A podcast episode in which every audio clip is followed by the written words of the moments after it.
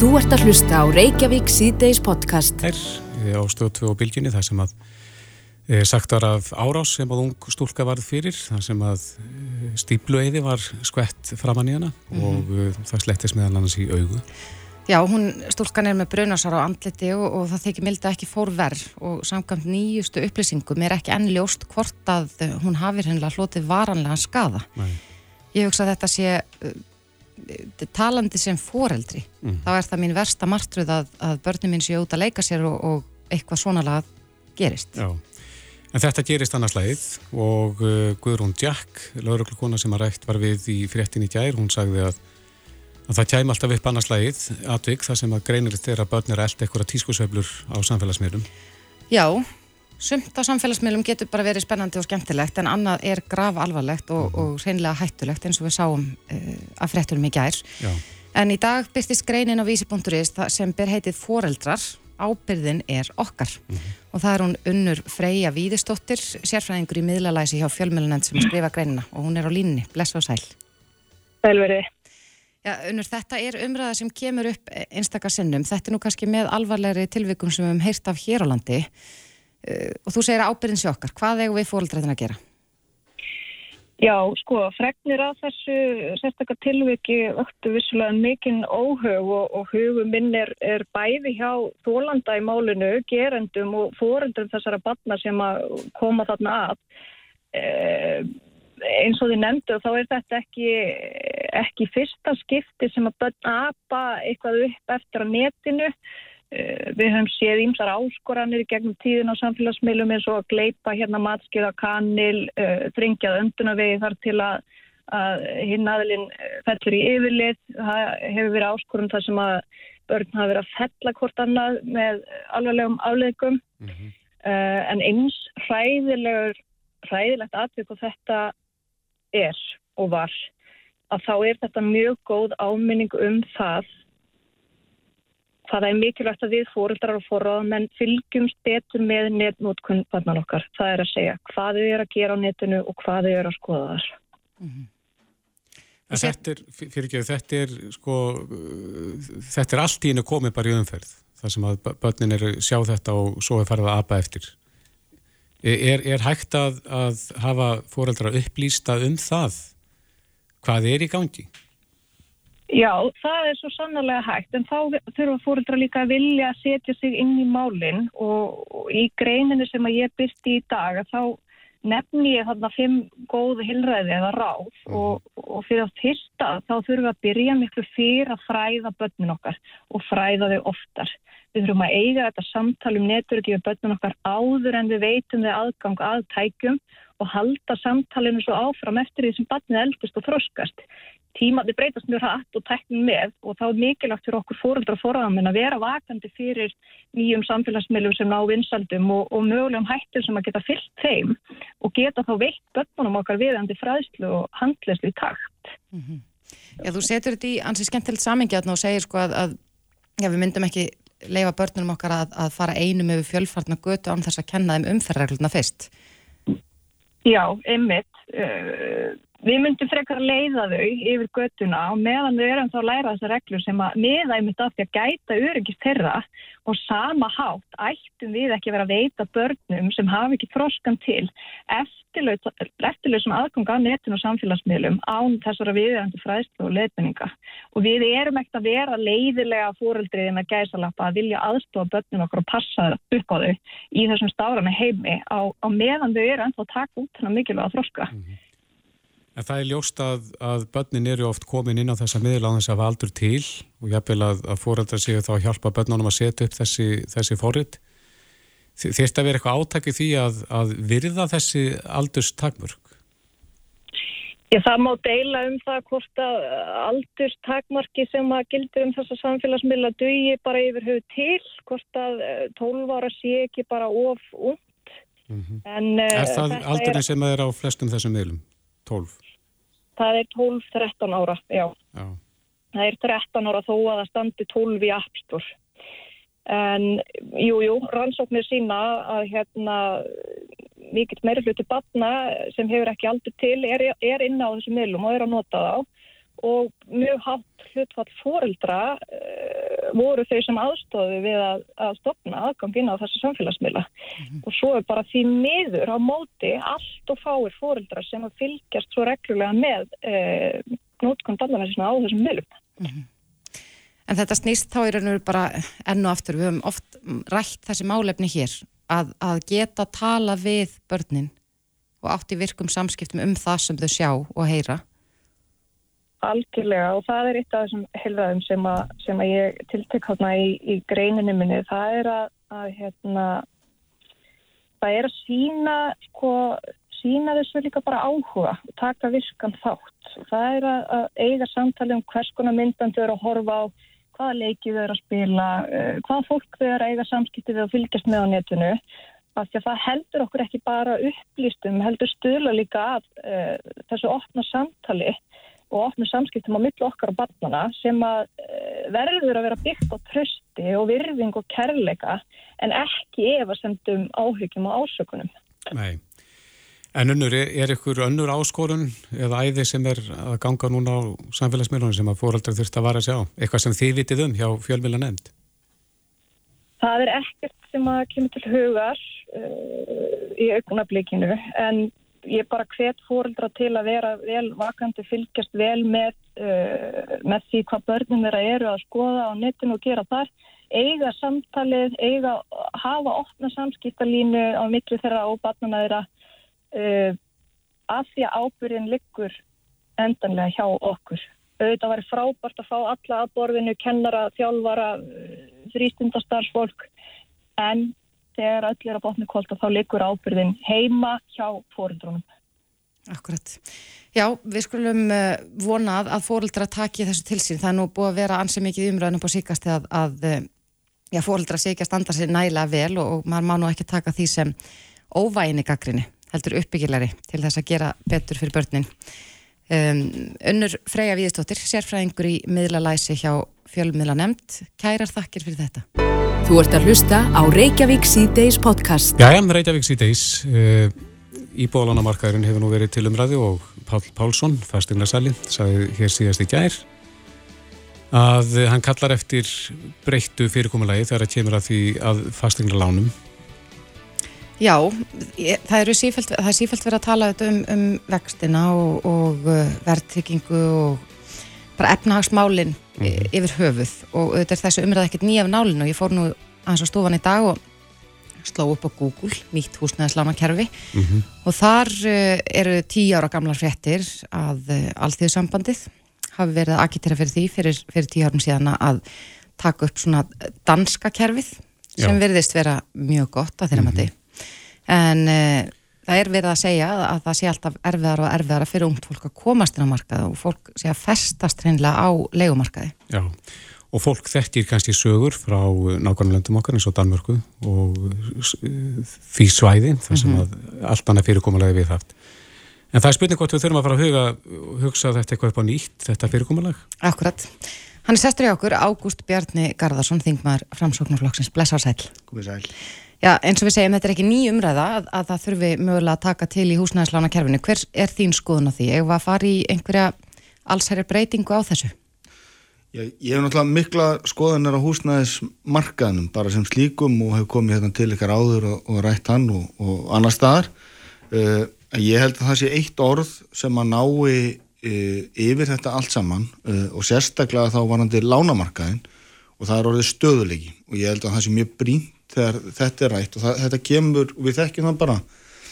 Þetta kemur reglu upp þegar við gungum í gegnum svona ólgu sjó eins og við sem samfélag og bara heimur nallur í sko að það, hér varu þetta uh, voru við í lágvasta umkörfi og þá gekk allt vel, það var auðvilt fyrir fólk að endur fjármagna sig, fara úr jæfnvel verðtröði í óverðtrykt eða semst að taka bara óverðtrykt láni upp af því og fólk sá, sá lánin auðvitað lækka. Mm -hmm. eins og þetta á að vera. Auðvitað þannig á þetta að vera og þannig viljum við hafa þetta. Þess að segja sko orðið sem næður utanum þetta eru þetta stöðuleiki og við höfum mjög margt uh, í okkar hagkerfi uh, núna til þess að þetta ná því að ná hér hérna upp stöðuleika við erum komið með fleiri stóður heldur en voru hérna með áður fyrir bara í hagkerfi. Við erum með sjáurútvegin álið nýsköpun og ferðarþjónustuna þetta eru við erum ekki með öll leggin í sömu körfi og svo má segja. Þetta er nokkur egg þarna. Þetta er nokkur egg en það, það, það er margt sem að ítur undir það og segir okkur það. Við getum ná stöðulegan en auðvitað er það þannig eins og ég segi að við sáum hérna láninleika og fólk var með svona ég ætla að leiða mér að segja eðlilega greiðslubyrði af óverðtröðum lánum. Mm -hmm. auðvitað þegar vextir faru upp og stýrivextir eru hækkaðir að þá sér fólk að það er að hérna svona greiðsli byrðin verður þingri hjá fólki og hérna og fólk á erfitt með að ná endun saman og, og svona að, að klífa þetta fjall, ef svo má segja. Og þá eðla sprettur þessu umræðan fram vegna þess að fólk hefur þá bara þennan valkost að, að allir öll launin fari það að greiða þetta óverðtreða láni að það neyðist og er nöðbægt til þess að finna annan kost og, og sá kostur er verðtrygt eh, verðtrið lán sem ég hérna, er ekki mjög hrifina og mæli ekki með en, en auðvitað er það valkostur til þess að lækka greiðsluburðuna og, og ráða við uh, greiðsluna. En það hefur auðvitað för með sér að, að þá sjáum við lánin ekki lækka og algjörlega þvert á það sem, að, þvert á það sem við viljum.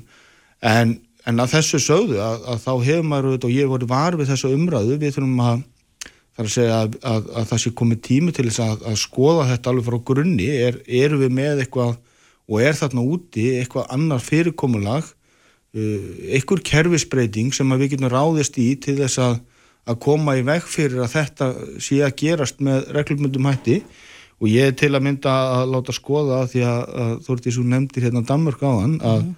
að láta skoða hérna uh, í, semst fyrirkomulega sem heitir Total Credit sem er að lána Uh, í Danmarku mm. uh, á munlegri vöxtum og gerir það með ákveðnum hætti Er það þú ofinbært apparat? Já, að einhverju leiti að ég held, ég, þó, ég bara er að, í þessum tölu orðum, að, hérna svona ný komið með þessar upplýsingar og, og þetta er hérna hjá starfsmennum okkar hérna eh, niður á þingi uh, og ég vænti þess að fá svona betri mynd á þetta á næstu dögum og vikum en, en veist, ég held að við séum alveg komin á þennan tíum en ég vil samt segja að mér, hérna við erum auðvitað með fjölbreyttara kerfi heldur en við höfum verið með. Við erum með til að mynda almennar íbúðakerfi sem er byggt á stoppframlum sem er að norrætnin fyrirmynd. Og við erum með hluteldalánin sem hafa reynst mjög vel fyrir ákveðin að hópa í samfélaginu. Þar að segja þá sem eru tekið lágir og eigna litlir að þá hefur það úrræði sem hafa komið hér á fót fyrir tveim eða þrem árum reynst uh, mjög mörgum greiðalega vel. En við þurfum og þess vegna er svo mikilvægt að ná hér að allir taki höndun saman að því við þurfum að ná niður verðbolgu og vöxtum og koma okkur í uh, það sem að ég held að sé og megi segja eitthvað sem að, að getur kallast eðletta ástand og þannig að fólk geti tekið óverðri lán og sé uh, lánin lækka. Mm -hmm. En eitt af því sem hefur verið mikið rætt og, og formaðar samtaka leyenda hefur nú komið í fjöldamörg viðtöl hingað að neyðin er mikil á legumarka. Í fyrsta lagi þá er, er eh, frambóðið ekki nægilega mikið, verðið er upp úr öllu hófi, mm. en þessir einstaklingar sem er að greiða heiminháar uh, fjárhæðir fyrir leigu og húsnæði eru akkurat þessir einstaklingar sem að komast ekki gegnum nálar augað til þess að geta farið inn á markaðin. Akkurat og það, það er það sem að ef við byrjaðum þetta á því sko það er það sem að þetta vald sem að Sælabankin hefur uh, hefur auðvitað það verkefni að ná hér niður verbulgóðvöxtum og, og, og fór með grimt í það að mínum að og ég hef vel ofgrimt tók og harkalega í handbremsuna með að þrengja langþegaskilirinn um og of uh, þar að segja það er nánast bara ógerlegt fyrir ungt fólk í dag að komast í gegnum greiðslumat og, og að vera með nægt eigið fyrir til að komast út á markaðum. Þetta er mjög vond staða vegna þess að við sjáum þennan hóp vera einmitt að greiða mjög háa leigu og það er bara það sem gerist þegar fastegna fyrir upp að þá, þó að leiguverð hafi ekki fyllt í að þá sjáum við samt og við erum að sjá það núna að leiguverða er að hækka uh, mjög mikið en að þú nefnir leigumarkaðin þá vil ég líka segja því að leigumarkaðin á Íslandi er bara og ég hef átt samtöl við hérna, Guðmund forman leiðendarsamtekana að hann er bara mjög óþroskaður hér á Íslandi. Við höfum aldrei, okkur hefur aldrei tekist það einhvern veginn ætlunaverk að hérna, byggja upp svona hilbriðan og tröstan legumarkað og ég held að, að ég held að við verðum að fara að skoða það raunverulega að, að gera nöðsynlega breytingar uh, hjá lífeyrisjónum vegna sem ég vil, og mér styrir náður með ólíkindum að lífeyrisjónir hafi ekki sé meiri hag og kvata til þess að ráðast hér í uppbyggingu leigu íbúða eða húsnæðis fyrir jafnvel sína félagsmenn og taka svolítið þátt í því með okkur sem samfélagi að byggja hér upp alvöru leigumarkað uh, til þess að við getum svona svara uh, þessu kallja því það, það er uh,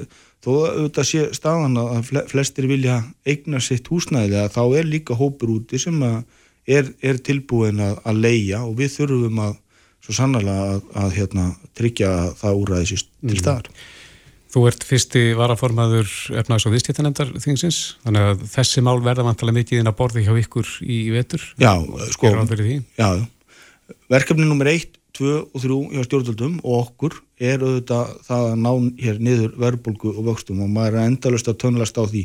Þannig að það er verkefni nefndarinnar og það sem spilar inn og tengist þessu er auðvitað, eh, eru húsnæðismálinn vegna þess að uh, við mögum aldrei og ég segi aldrei lenda í því ástandi sem við þekkjum og vel þessum miklu sveiblum á fastegna markaði uh, að, að, að hér séum við búin að koma hlutónu þannig fyrir að þegar að við getum farið að slaka aftur á þessum lánþegaskilurðum mm -hmm. og fólk fer að hérna, fá getur til þess að komast út á markaðin að við förum að sjá hérna, verðið hækka og leiguverð og það er bara ein leið til þess að koma í veg fyrir það að það er að uh, byggja meira Annars sem að tengist þessu, uh, það er vísitalan, mm. húsnæðisliðurinn eða þess að húsnæðiskaup eru inn í neslífísutulun og það er kallað eftir því að, að þessi liður veri tekin út úr neslífísutulunni. Já, já, já, og það hefur verið stefnumál míns flokks nokkur lengi að, að húsnæðisliðinu fari út úr vísitulunni eða sé uh, reiknaður með öðrum hætti.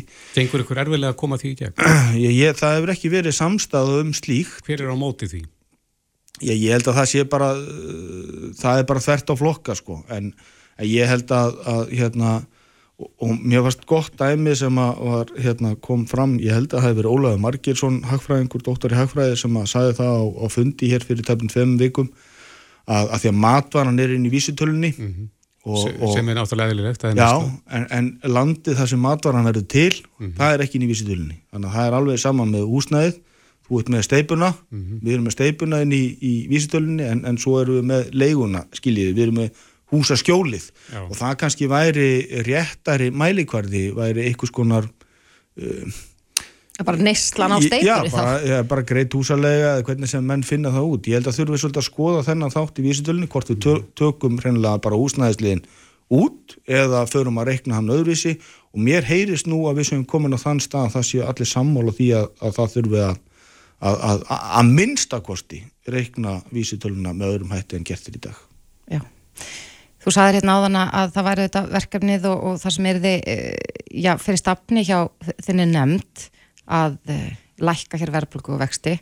Uh, þurfum við að fara að líta til og, og tala auðvitað um að við þurfum þá bara að, að auka frambúðið af húsnæði, mm. en við erum alltaf að sjá vaksta hækkanir, trekk í trekk ættum við að vera að fara að leita einhverja annar að leiða til þess að reyna að dempa og, og högva á þennan hútt? Ég hef sagt að í nokkuð tíma uh, að, að ég svona var farin að trúa því einhvern veginn að, að, að þessar stýri, miklu stýrivægstahækkanir væri farin að býti skotta og sér og leiða uh, hérna, íta undir það verðlag hækki og svona íta undir verðbólguna og ég held að það þurfu og ég var mjög ánaður að sjá að Sælabankin hafi tekið það skref síðast að hækka ekki stýrivextina En við auðvitað, og þetta er svolítið snúin staða vegna þess að við komum að því að, að fyrstu kaupendum og, og, og ákveðnum hópi er bara gert ókleft að komast inn á markaðin og það er ekki bara fyrstu kaupendum, við sjáum bara fólk sem er að skilja eða af einhverjum öðrum ástæðum er að, að breyta til, bara breytir hérna, bara breytur hagur hjá fólki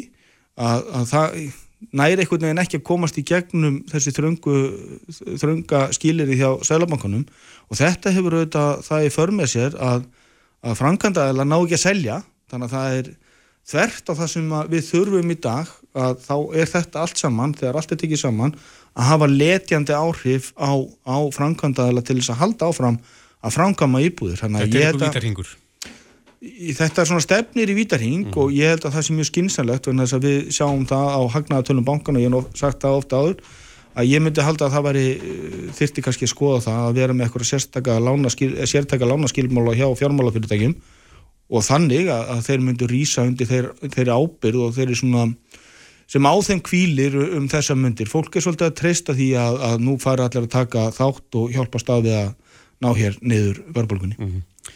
Ágúst Bjarni Garðarsson, fyrsti varaformaður efnags og viðstýttanemnda Þingsins, kæra það ekki verið komina. Bestu það ekki, takk fyrir mig. Þetta er Reykjavík C-Days podcast. Reykjavík C-Days, það er mikið rætt tekumar eftir um kvennaverkvall sem þið fyrir það í næstu viku, er þetta þriðudaginn? Jú, þriðudaginn 2004, uh, við þekkjum öll hvenna frídaginn mm -hmm. og, og þar, svona, gegnum tíðin hafa konur verið kvartar til þess að uh, já, ganga út eitthvað um þrjúleitið mm -hmm. til mhm. þess að um, já, mótmæla launa mismun kynjana um, en nú er stefnir allt í bara allserjar hvenna verkfall þennan dag mm -hmm. og ég hef tekið eftir því svona umræðinni sérstaklega á samfélagsmiðlum ég er í alls konar Facebook-hópum þar sem að fólk er mikið að velta þessu fyrir sér og, og kannski að pyrrast yfir verkfallinu vegna þess að, að, að ég þekkja hana bara sjálf að ég er búin að fá post frá skóla og frístund og svona alls konar að, að það mhm. verður verulega skert starfsemi Já. og þá eru einhverja konur sem að, ég segja, þá lendir það bara á, á konunum að hugsa um börnin mm -hmm. En allavega mér skilst að verkfalli eigi ekki bara við um vinnumarkaðin heldur líka ólaunuð störf. Semst að inn á heimilinu? Inn á heimilinu, mm -hmm. já. Þannig að, að jáfnveil þá skólar loki já. að þá eiga mæðurnar ekki þá að vera heima og hugsa um börnin. Nei, þann, þá þurfa feðurnir vantarlega að fara úr vinnunni þá líka. Já. Verður það allt stopp? Það er stóru spurningin, hún er sest hjá okkur til að fara yfir þetta.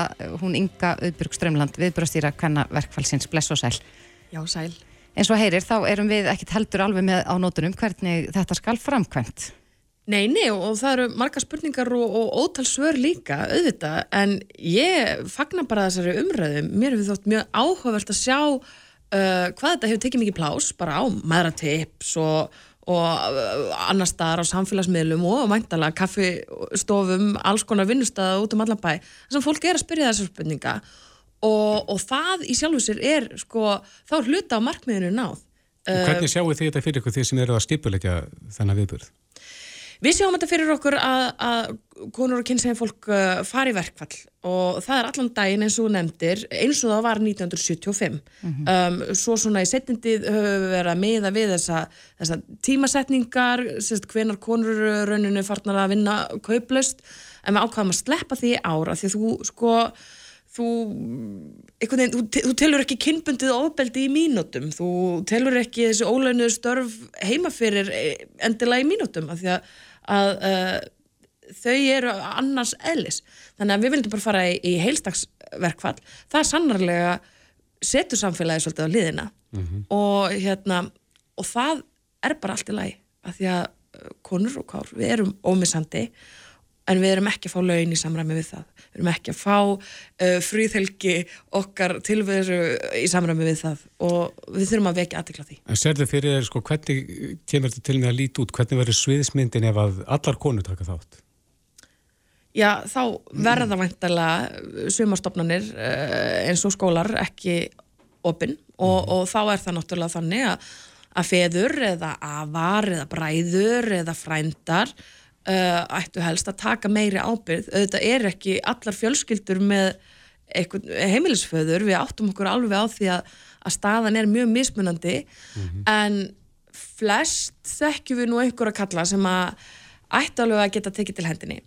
Það þýðir að ábyrðin á uh, heimilisaldi uh, og börnum og slíkt uh, á að flytjast. En auðvitað það geta ekki alla stofnanir farið í verkvall. Við áttum okkur alveg á því að, að það verður að tryggja öryggi sjúklinga og, og, og þeirra sem að, hérna, eru oft, já, kvennastjættir sem að annast um og þá vonandi verða þetta starfsfólk, verður þetta starfsfólk með bara með því að senda kveði á, á samfélagsmiðlum með miðlumerkinu ómissandi eða senda í þar á Arnarhóli eða eitthvað, mm -hmm. taka þátt með öðrum hætti?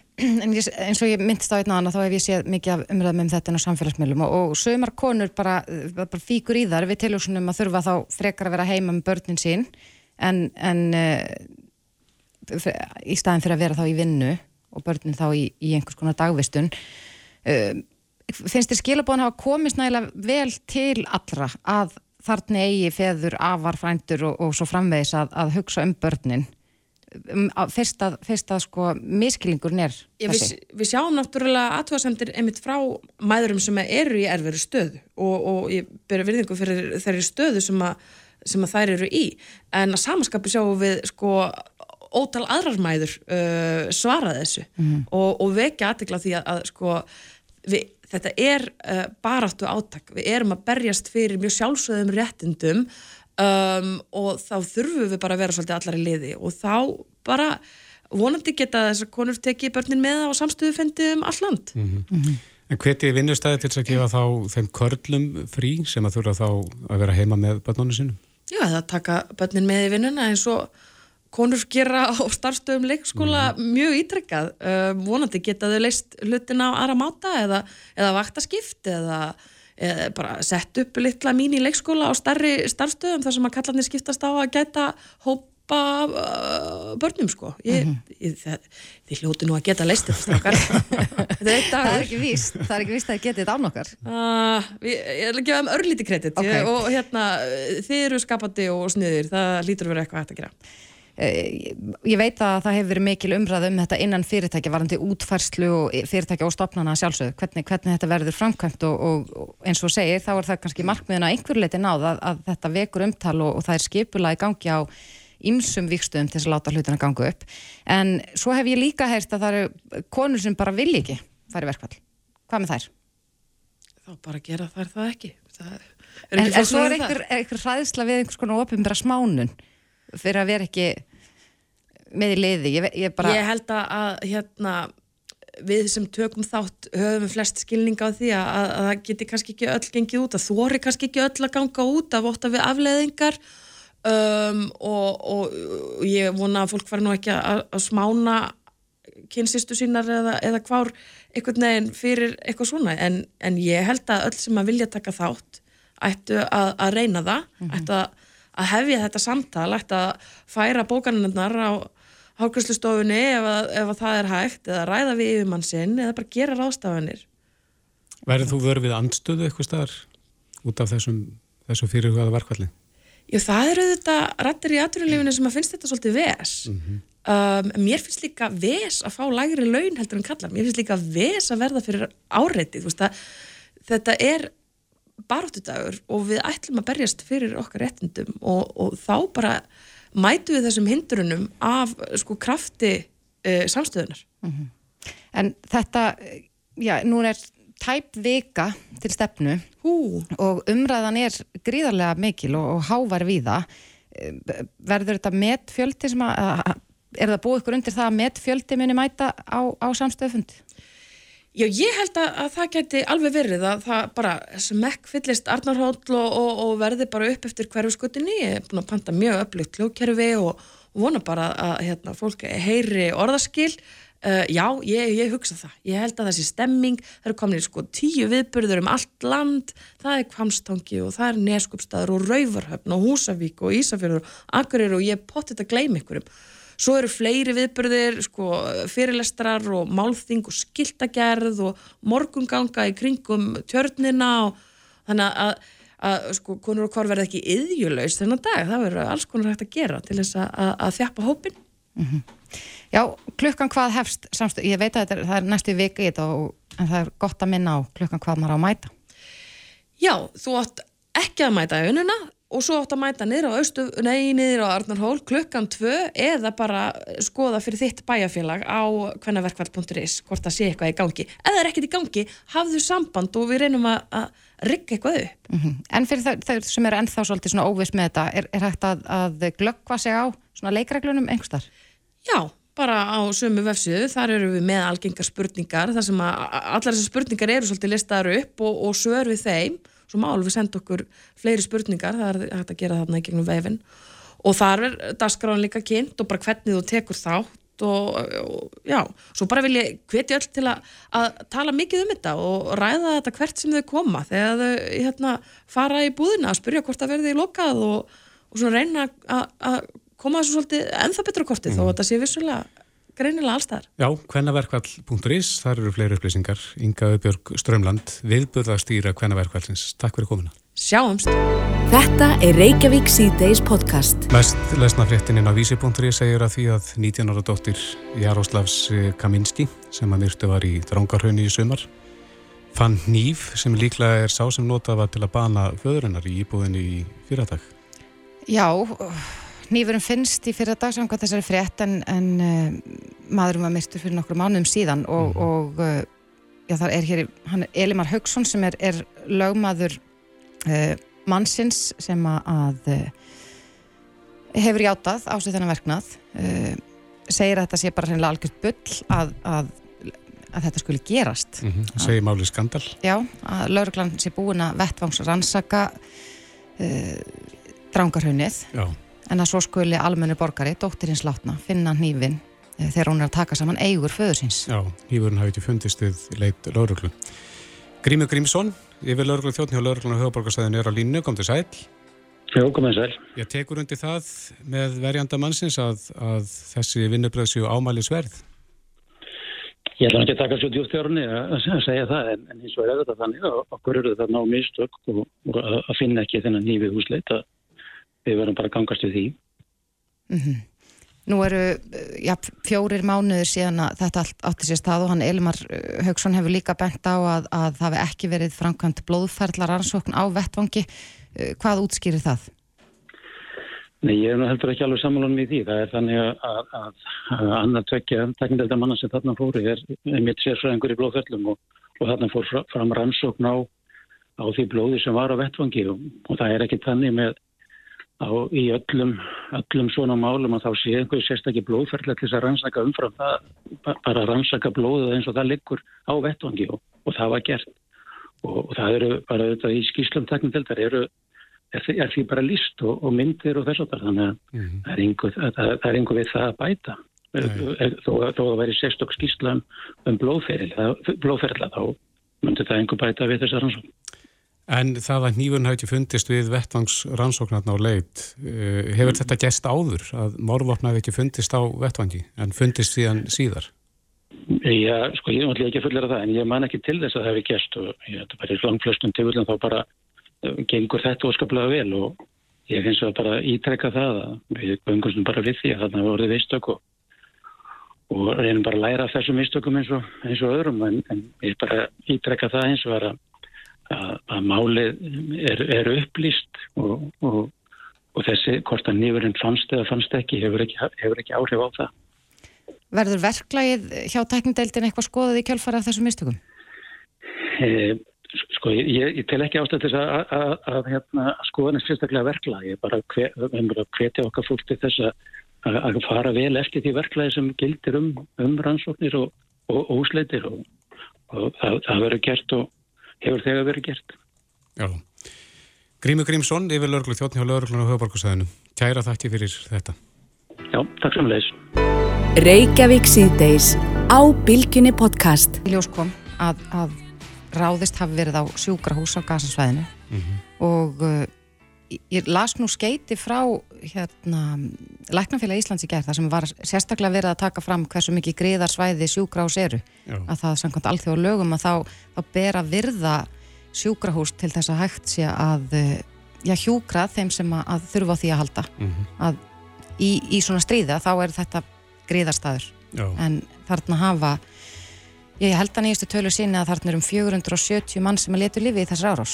Mitt og Ísarski hérinn held bladamannu fyndi morgun, það sem þeir lögðu fram gögn og uh, þeirra tilgátt er að þetta hefur verið slísaskott frá Islamic Jihad, skotið frá Gaza. Og þetta hefur ekki verið skotmark endilega þessi spítali, heldur hafi þetta hafi eldflög þarna farið af leið. Já. Bjarni Benedisson, auðvitaðrikiðsáþurra, er komið til okkar, velkomin. Takk fyrir það. Já, hvernig blasir þessi staða þarna í, á þessu svæði við þér í dag?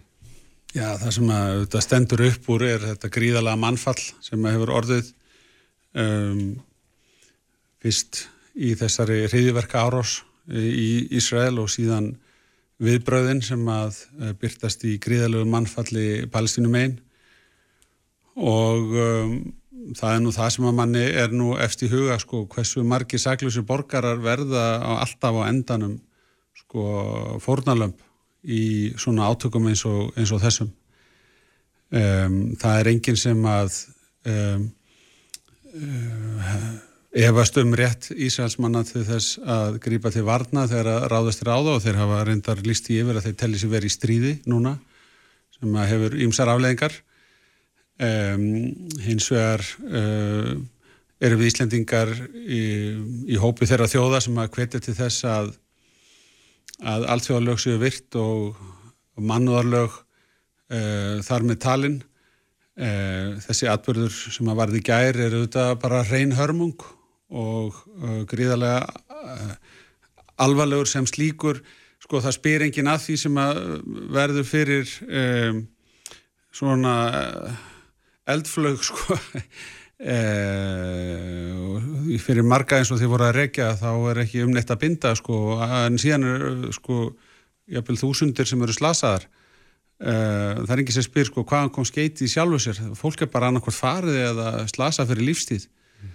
þetta er alveg hrikalegt og, og við erum semst í hópið þeirra þjóða sem að bendum á mikilvæg þess að lögsjöu virt að það sé dreyið úr spennu á svæðinu og leita leiða til þess að uh, um, að, að þessum átökum linni að borgurum sé hlýft mm -hmm.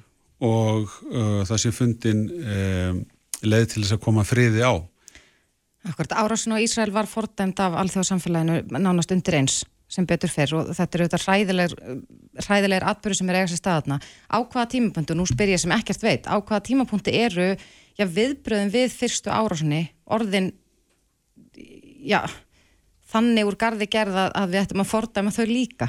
Jú, er viðbröðin of, er þetta gert með offorsi?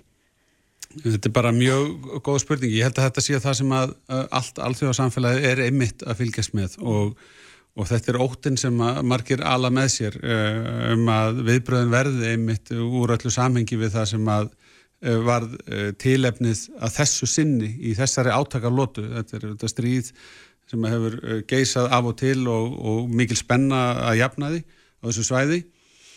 Eh, þess vegna voru kannski margir og fljótir á sér í gær að, að komast að e, niðurstöðu að draga álíktanir af því að það hefði verið Ísraelsmenn sem að e, beinlinni skutu e, eldflög á spítalan sem að allt bendi til þess að hafi ekki verið eins og, eins og var komið inn á hérna áðan en uh, í þessu sambandi þá er ég sjálfsveits ekki við margt annað að, að miða heldur en það sem ég var reykja hérna áðan að, að uh, það, er, það, er, það er hægt að gera skílösa kröfu um að um, alþjóðlög séu virt og, og meðal þessum að skipti máli því sambandi er einmitt að, að sjúkrastofnanir og, og allt uh, fólk sem er að veita neðarastóð og svo framvegis Eh, sé í skjóli. Og allur almenningur sem er leiðis, allir sem ekki er í átökunum. En við vitum á sama tíma að þetta er ekkit einfalt. Þetta er ekkit einfalt þegar að menn einmitt nýta sér það að þeir sem eiga að vera í skjóli um, vilja til dæmis yfirgefa svæðið, samkvæmt sérstaklega í kvartningu frá Ísælsmönnum en það er verið að reyna að hindra að þeir komast í burtu. Og það, það kann að skapa ákveðin svona uh, ákveðin misvægi í þessu aftur. Þetta er bara algjört hörmungar ástand og, og nú eiga allir að beita sér fyrir því að það sé dreyið úr spennunni. Getur Ísland gert eitthvað í, í þeim málum? Og það sem við erum að gera er að auka við mannúðar aðstofana, við höfum aukið framlögin, við tókum ákvarðunum síðustu helgi að auka framlögin til palestinsku eh, flottamannastofnunarinnar eh, um 70 miljónir og það kemur til viðbótar við svona fast framla sem að Íslendingar eru með og uh, það eru slík slíki hluti sem að geta skipt verulega miklu máli eh, það þarf líka að sína samstöðu með þeim sem er að tala fyrir uh, því að, að uh, það sé leita friðsamleira lausna og hvetja til þess að uh, þetta magnist ekki upp og fari í eitthvað sko, spíral sem að getur enda með miklum ósköpum. Nú þegar eru, fram, eru komnar á mörguðum fram vísbendingar um að menn hafi miklar ágjörð því og það getur Það getur haft ímsa hlýðarverkanir sem við til dæmis sáum í, eftir innrásrúsa inn í Úkrænu. Uh, þegar við sjáum breytingar til dæmis á oljuverði þá getur það uh, spilað hingað inn í bara beintin í, inn í okkar efnaðarslíf og, um, og við erum sjálfur sér bara uh, sko búin að sjá nokkra sólarhinga líða en, en bandarækjafósettir þegar mættur til þess að beita sér fyrir því að að uh, það veri dreig og spennu á svæðinu -hmm. ég uh, fylgdist með því í morgun eh, Þórtís Kolbrún forverið þenni í auðvitaðriksræðandunni satt hér hjá okkur í síðustu viku og sagði að það væri meira sko, fyrir okkur sem hér setjum og bara fólk sem setur heima á sér, það er oft erfitt að, að meta það sko, hvaða miðlar trúverðir og sérstaklega kannski var það mjög skýrt í gær þegar þessi árás var gerð á, á sjúkrahúsið mm. að hverju ámaður að trúa og hún sagði að meiri segja fyrir sko auðvitaðrikis ráþæra þá er það ekkert bara borleikandi hvað er rétt og hvað er ekki rétt? Hvernig mælur með að maður snúi sér í því? Já, ég hvernig held að sé, ég, menna, ég var í þessari stöðu sjálfur í gær og, og það sem við ákvæmum að gera var bara að uh, eh, býða og sjá hvað við getum fengið staðfest og það reyndist erfitt til að byrja með og síðan flugu ásakarnir fyrir á báða bóga og og það var erfitt að fá staðfestingar. Við fylgjum með því sem að saminuð þjóðan að gera og aðrir sem að hafa getuna til þess að greina um, en eins og ég sagði áðan almennir borgarar hvoru megin við uh, landamærin þarna uh, sem á við uh, þeir uh, hafa ekki tækifæri til að spyrja hver skaut. Uh, þeir eru margir hvernig, hverjir fallnir frá sko. Mm -hmm og ég held að við ættum að hafa augun aðalega á því sko hversu hróðalegar aðstæðnar eru í dag á þessu svæði þessum að mörg hundruð þúsund eru á flotta og ástandi til dæmis í söðurhlutanum uh, er orðið alveg rosalett uh, þar sem að fólk uh, hrúast jáfnvel tögum saman inn í íbúðir og, og það er hverki bara skjóla að hafa það er ekki, það er engin það er einhverjir innviðir til þess að taka við svona mannflutningum á þessu svæði þar sem að þegar eru margir á þröngu svæði mm -hmm. En það er semst verið að hvetja að Ísraelsmenn hafa kvart eh, til þess að fólk yfirgefi þarna norrluttan og, og hafa gefið það út að þeir ætli sér að eigða Hamas samtökunum sem eru hriðiverka samtök samkvæmt skilgreiningu uh, sem að uh, sem að hérna settu á stað þessa átaka hrinu mm. Rétt Kristján, þessi lókjum bjarni, þú ert nýttekjum við þessu starfi, veit hann ekki sá þeirra. Hver eru stóru verkefnin þín sem býða fram með það? Já, það er auðvitað af svo mörgum toga, sko. Við erum um, að reyka borgarþjónustu, við sáum núna einmitt í tengslu við átökinn e, að þessu sinni hversu mikilvægt það getur verið að hún sé öflug og skilvirk og það tókst að koma hópi yfir til Jórdaníu sem að síðan komst e, heim til Íslands vegna þess að flugumferð e, raskaðist mjög verulega Þannig að uh, það er svona dæmi um verkefni sem er verið að sinna og maður veit aldrei hvað kemur upp á. Síðan er það auðvitað öll hagsmunagesslan hjá alþjóðastofnunum. Nú við uh, höfum uh, verið virk og beitum okkur vegna strísins sem geysar í Ókrænu og nú er til dæmis verið að undurbúa það að afhenda færanlegt súkrahús til Úkrænu síðar í mánuðinum sem mun kosta rúman miljard fyrir okkur Íslendinga sem er þá okkar framlag til þess að hjálpa þeim sem að eiga um sart að binda þar. Um, það eru allar stofnanirnar sem við eigum aðeld að og síðan er það auðvaríkis viðskiptin sem er leiðis. Það er uh, hérna, mikilvægt að uh, við séum að styðja með myndalegum hætti við útflutningshagsmunni okkar Íslendinga og höfum viljað að rækta þau tengsl mjög myndalega þannig að uh, það sé gangi vel að skapa verðmæti fyrir þjóðabúið. Þannig að það er í mjög mörg hórn að líta er ekkert skrítið að koma inn í svona algjörlega nýtt hlutverk og, og, þurfa að taka við já, stríðsástandi ekki bara í, í Ukræn heldur núna líka í Jú, það er það, er það, það er engin spurning að það er gríðalegur órói á alþjóðasviðinu og, og hérna, margir sem hafa verulegar áhyggjur af því að þetta geti e, haldið áfram að vinda upp á sig. Og þess vegna skiptir máli að við séum virk í samstarfi við um, bandalarsríki okkar og, og síðan virki að, að tala fyrir þenn gildum sem við teljum mikilvægt að verja.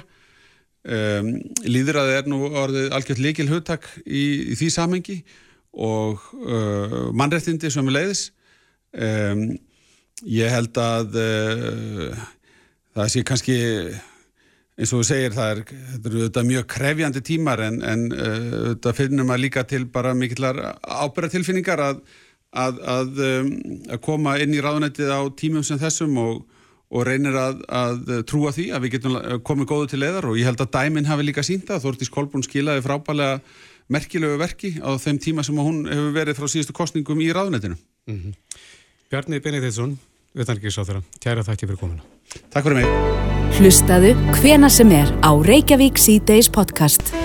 Jæja, í dag er alþjóðlegur dagur breytingaskesins Svein er ekki tíðakvarfið? Þetta er nefnilega, sko, þetta núna skulum við fræða, mm -hmm. fræðast um Já. það.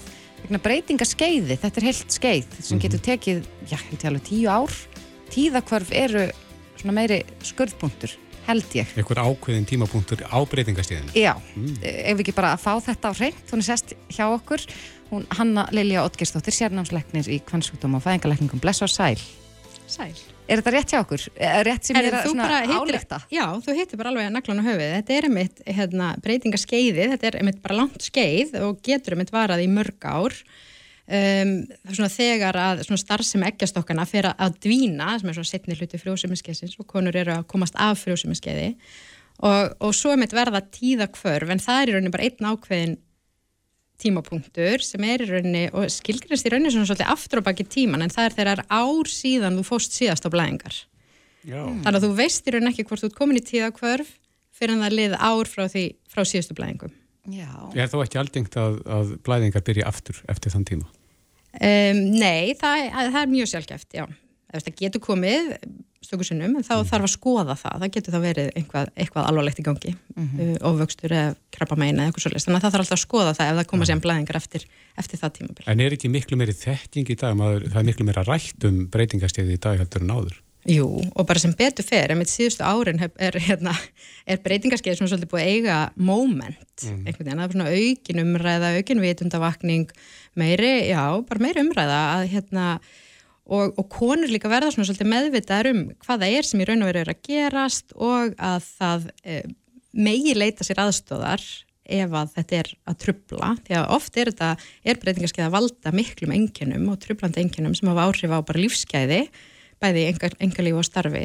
Og hérna, þannig sem betur fyrir konur farnar að tala um þetta, því þetta var áður fyrir svona, kannski svolítið tabu og þú veist, það var svona, varst að eldast og, og það vildi enginn viðurkenna að vera breytingarskeið en það var svona svolítið hallærislegt En sko ég held líka að þessi aukna umræða bara svona út á við hefur líka gert að verkum að konur eru líka kannski meira fartan að tala saman sín á milli, sko verandi kona, þá Akkurat. hefur maður tekið eftir að alls konar umræðu varandi ég bara konur og tíðarhingin og íþróttir og ég veit meira núna en ég hef nokkuð tíman vita, ég er búin að læra meira á síðasta árinu bara um, um það að vera kona heldur en ég gerði öll hinn árinu á undan Einmitt. en uh, er, er þetta ekki bara nánast hann að við þyrstum að, að fræða frá, mik, sko, frá því að, að stelpur eru bara ég fari gegnum kynþróska Al, algjörlega, mér finnst það að hérna, auðvitað ættum við bara að tala um, um tíðarhingin og bara þá að kenna um sveiflunar sem verði hverjum tíðarhing bara í grunnskóla. Er það ekki en ekki svona kannski ítarlega og hvaða áhrif þetta kannski hefur á okkur. Því að,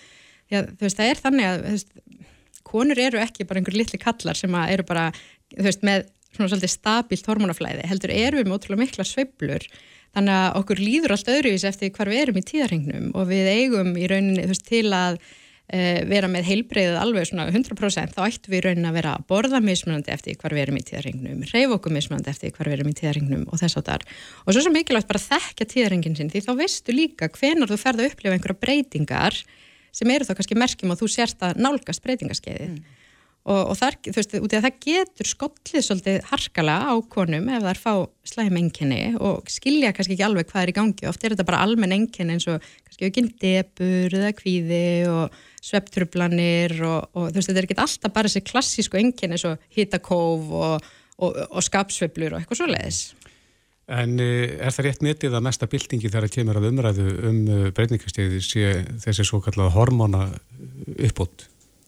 Uh, Hormonuppbætumæðferð er besta leiðin til að slá á enginni breytingarskeiðs, já, það, er alveg, það er alveg þannig. Það er alls konar önnur tiltök sem eru mikilvæg eins og bara lífstílinn og streyfing og næring og svefnin og, og streytustjórnun. Það skiptur gríðarlega miklu máli að taka lífstílinn svolítið í gegn á þessu tímabili og endur skoða svolítið svona hvernig bara heilbreyðið þitt er yfir höfuð því að uh, sko estrogen sem er aðal kvennhormónið, það hefur svona ákveðin verndandi áhrif fyrir bara líkamann.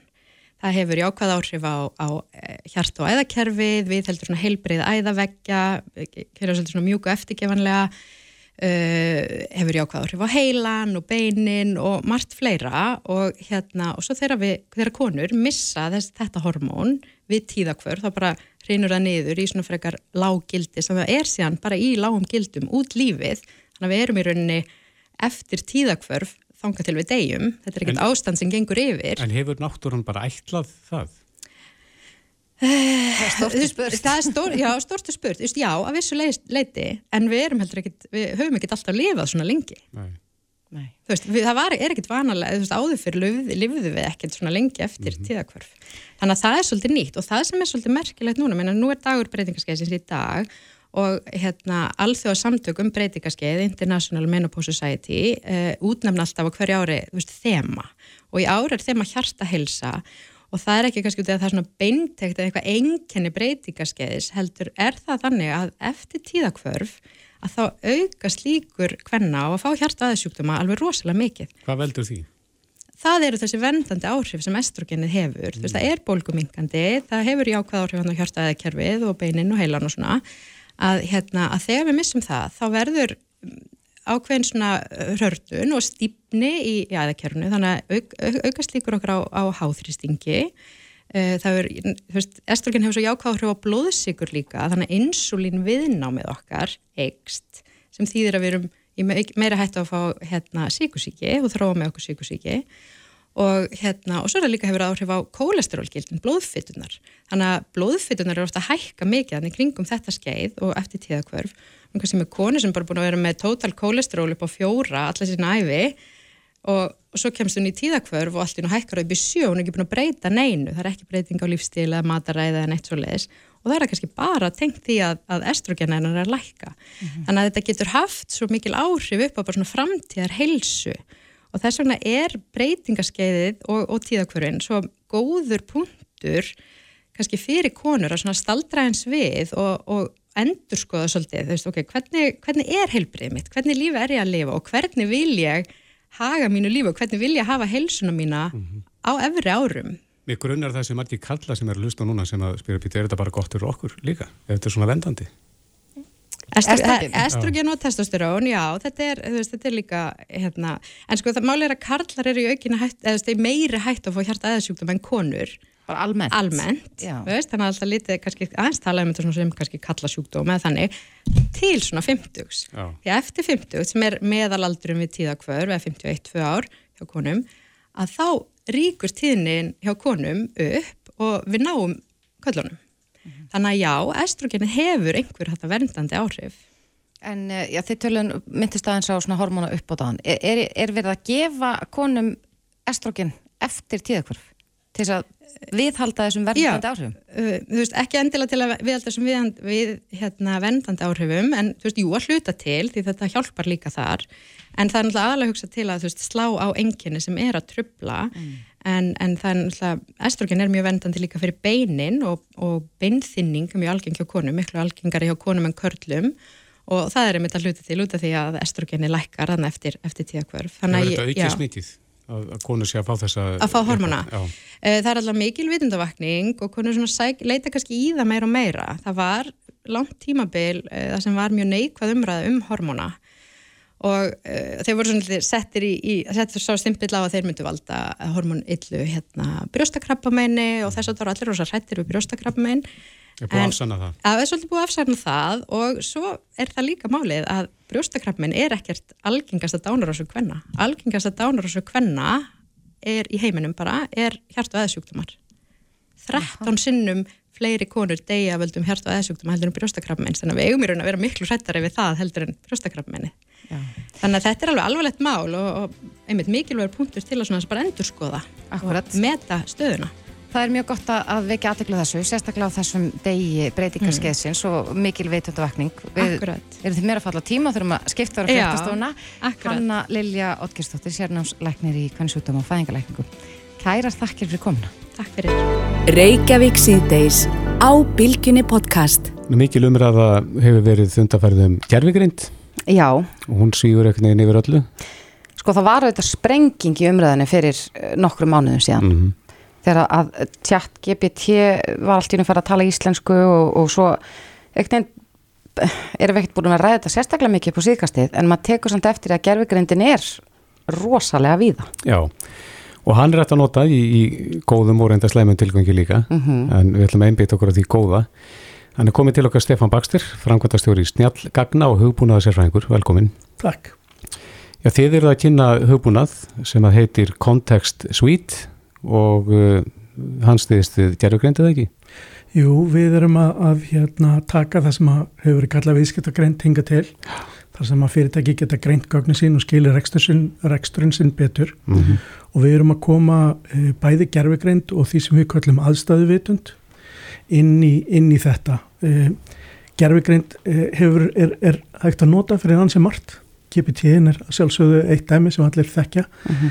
en hún er líka nótuð til þess að finna einhver munstur í gögnum, hún er nótuð til þess að búið til spálíkun fyrir sölu eða umferð mhm. -huh. og, og gerfegreindir er raun og verið svona hattur yfir alls konar undirlikjandi tækni og við höfum senstu þrjú og hálft árið verið að vinna með gögn, e, svona ytri gögn eins og hvenar Liverpool keppur við United eða leikur í mestradeldinni eða tíamótið er í eigum eða mm -hmm. allir þessari ytri þættir ytri þættir sem hafa áhrif á kauphægðun og, og, og hægðun okkar sem hóps, ekki endilega nýra á einstaklinga mm -hmm. og finna hvernig við getum bætt gerfugrindina, spálíkun og annað með þessum ytri upplýsingum þetta er allt tvoða tæknilegt en hvað þýðir þetta? Ég held að ótrúlega margir íslendingar hafi einhver tíman farið til Vestmanæja með börnin sín og íþróttamót mm -hmm. og komist að því daginn sem íþróttamóti byrjar spáðgóðu veðri fjölskyldunum langar að grilla mm -hmm. en það er ekki tilneitt grillkjöt í búðunum. Af því það er eins og vittnesken um það að það væri eitthvað að fara að gerast sem veldur aukinu sölu og grillkjöti að svo vittneski væri ekki til. Við tökum alla þessa ytri þætti. Veður, atbyrði, Eurovision nefndu það. Mm -hmm og við e, bætum gerfegreindar líkunin þannig að þau viti hvaða aðstæður er í umhverjunu áður en til dæmis er að spá um sölu. En hver notar hana síðan? Er það ég sem fóreldriðin til þess að lendi ekki því að ah. það sé ekki til kjött eða er það kjött kaupmaðurinn sem að? Það er, það er raun og veru vestlunin og sá sem að framleiðir kjöttið sem á að sjá með nokkur dag fyrirvara út af nákvæmum sölusbám hver þörfin fyrir ákveðnar vörur er. Við kallum mm -hmm. þetta eftirspurnargreind. Það er að skilja hvaða hlutir í umhverfinu hafa þannig áhrif á eftirspurn að þú þurft að passa því að manna rétt og kaupa réttin á lagerðin. Það er til dæmis þekkt, ég held að Dominos gerir þetta mjög vel í dag. Þeir, þau vita að það þarf að manna vaktir allt öðruvísi þegar það leikur í meistardeldinni eldur en ekki. Mm -hmm. Því að það eru bara svona ákveðni þættir sem hafa áhrif á þeirra sölu. Eh, veður, eh, Eurovision, verkvall eblingar eh, eru örf á dæmi um þessa ytri þætti en það má í raun og veru segja að það er enginn sem er að veita söluða þjónustu sem að á ekki einhverja svona þætti þó þeir séu mismunandi. Þetta getur verið hlutir allt frá upplýsingum um atvinnuleysi eða gengi gjaldmila eða verð á bensinni. Allir þessir þættir sem ég er búin að nefna hafa einhver áhrif. Og ef að fyrirtækjar er reyna að skilja reksturinn sinn og spá fyrir um framtíðina þá er rosalega erfitt að ætla að gera það með því að horfa á speil og horfa bara á hver var salan þennan dag í fyrra eða skiljiðum það er eins og þú sér að horfa í speil mm -hmm. en ekki út um klukkan Hvernig, Var fólk bara ekki þess, þeir sem að munu geta nýtt sér þetta voru þessi þætti bara ekki til skoðunar og þess vegna lefndi við að það voru enga pulsur í eigum eða, eða hvað? Já, það eru margar ástæður. Eh, ég hef með mína kenningu um, um þetta nákvæmum að dæmi og það er að margir af þessum frítögum og þessum atbörðum eru á mismunandi tíma, færast til um vikur og alls konar. Mm -hmm. e, mögulega er starfsmannavelta þannig að sá sem mund að gera þetta í fyrra, hann er farin og þó að fyrirtækið sé mögulega að gera endur tekinn mistök þá starfsfólki ekki að gera það því að það mun munað árið setna eða glemta panta pulsur eða grillkjöldskilurum en, en allt þetta er, er, semst, allar þessar upplýsingar er við, við erum að sapna þeim saman til að gerfigreindin í þessu tilfelli spálíkan mm -hmm. geti skilið hvaða ytri þættir eru í gangi og tekið á með í reikningin það er rosa já, það er flókið og tímafrekt að sapna þessum gögnum saman. Hver matar gerfingreindin á þessu að það sé leikur í meistaradeildin eða? Já, það er frábær spurning. Það er einmitt kontekstvít, þessi löst sem við erum að kynna, mm -hmm. sem að, að hérna, þessum, þessum upplýsingum hefur verið sapnað saman. Við hefum reyndar langt í land þó að við séum með marga, marga þætti nú þegar. Að, að e, e, í kontekstvítunni erum við að reyna að gera fyrirtækjum mjög auðvelt að byrja að nýta sér gerfingreind mm -hmm með sem innföldustum og réttastum hætti og þegar við tölum um réttasta háttin þá, þá er ég að vísa til þess að þú byrjaðar á að, að segja e, að, að það er auðvitað hægt að nota gerfigreind líka til slemra verka. Við erum aldrei að hugsa um hvað Jón Jónsson er að gera eða skoða einhverja einstaklingsupplýsingar. Mm -hmm. Heldur erum við að passa að ytra umhverfi þessi almennilega grein fyrir því og með því að taka það í reikningin þá hefur við séð til dæmis að það er hægt að búa til ótrúlega nákvæm spálíkun um hvað verður mikið að gera í, í vestlun og þjónustu. En við getum gert fleira. Eh, við erum með eh, svona spjallmenni sem við höfum verið að þróa með góðu fyrirtæki hérna. Og það getur eh, veittir upplýsingar um vörur sem í þessu tilfelli eru ferðir í, í gullfossgeisir eða hvað sem er. Mm -hmm. og ef þú segir hei ég er að leita mér að ferð um næstu helgi við erum tvö og svo eru tveir vinnur okkar frá bandaríkjunum okkur langar að gera eitthvað tengt ís og, og, og hérna og, uh, og uh, snjósleðum eða hvað sem er þá, þá kann hún að, að mæla með, með vörum sem koma til greina. En af því að það er meðvitundur um ytar umhverfi þá kann það líka segja en ef þeir eru hugsað næsta helgi þá mæli ég frekar með lögadeginum en til sunnudeginum af því að viðspáin er betri og ef þið, ef þið stoppið farið þessa ferð þá eru það að stoppa á, á geysi á svipum tíma og Múkisson er að hefja tónleika já, í þarnæsta mm. þar, þarnæstu hlöðu. Þessar upplýsingar eru þann inni? Já og, og við okkar hlutverk er tvíþætt. Sapna saman upplýsingunum sem eru líklegar til að hafa áhrif á eftirspörn mm -hmm. og gera þær auðnýtanlegar af gerfigreind fyrir, fyrir fyrirtæki en, en þetta snýra sjálfsögðu að einstaklingum líka en ég vil ekki láta hljóma eins og við séum komið bara allar upplýsingar þarna inn við höfum verið að sapna þessu saman. Það er gríðarlega tímafrækt sumt af þessu eru ofinbergagn uh, eins og til dæmis komur skemmti fyrir að skipa er, eru það. Og ég get sagt ykkur að komur skemmti fyrir að skipa í Ísafjörðardjúb hafa áhrif á ekki bara verslunarstaðnum heldur hérna gæði farsimanhets því þegar stort skemmti verða skip kemur það, bara, það, það hefur það. En allavega sumt að þessu eru auðvelt að ná í. En e, til dæmis hérna, bæjarháttíðir, hvernig það eru voru það er bara eitthvað sem við höfum þurft að googla eftir. Já, bara, og mata. Jú, og mata bara, hérna, pikka inn. E, e, það er reyndar eitt af því sem gerfi greint er að fara að bæta stórkostlega. Það er gagna öflun úr texta, þar að segja það komi gerfi greint sem kann að lesa blaðið og sapna þessu saman fyrir okkur.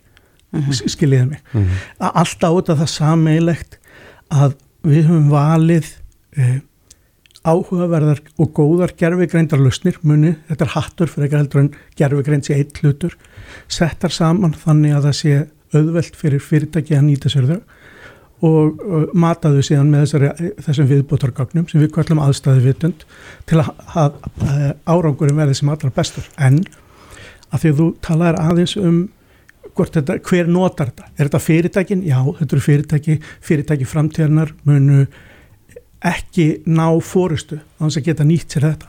En ef við ætlum að hérna, svara spurningunni hvernig geta einstaklingar nýtt sér þetta, já, þá ætlum ég að segja hversu mikil trafík verður yfir gullinbrúna næsta mándagsmorgun. Ef við ætlum að vita hvernig við þurftum að leggja stað eða, þú veist, skiljið mig, eitthvað sem snertir einstaklingana.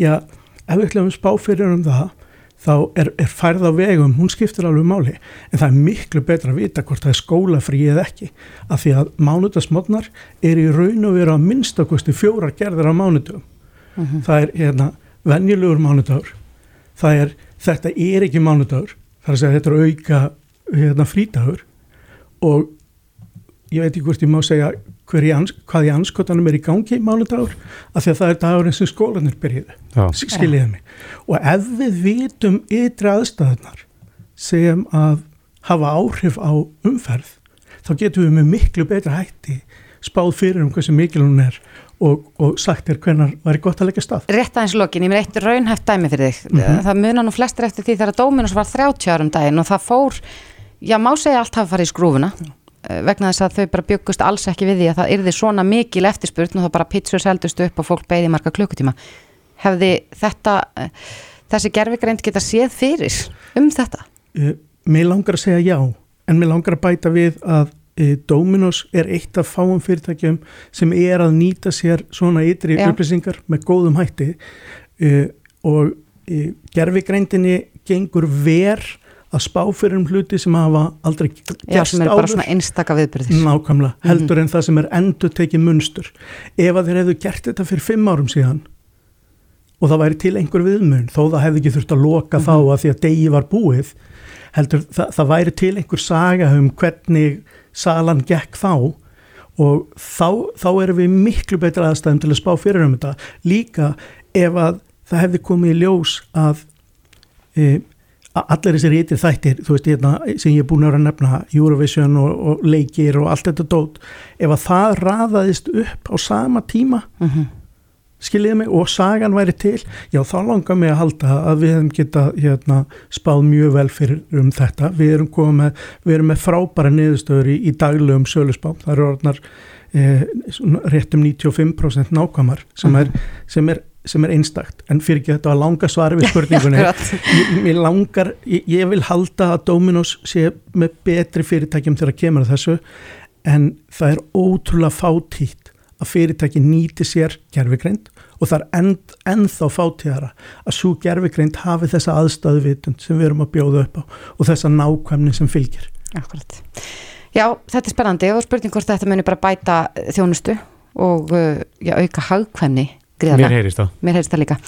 Stefán Bakster, kærar þakki fyrir komuna. Takk fyrir mig.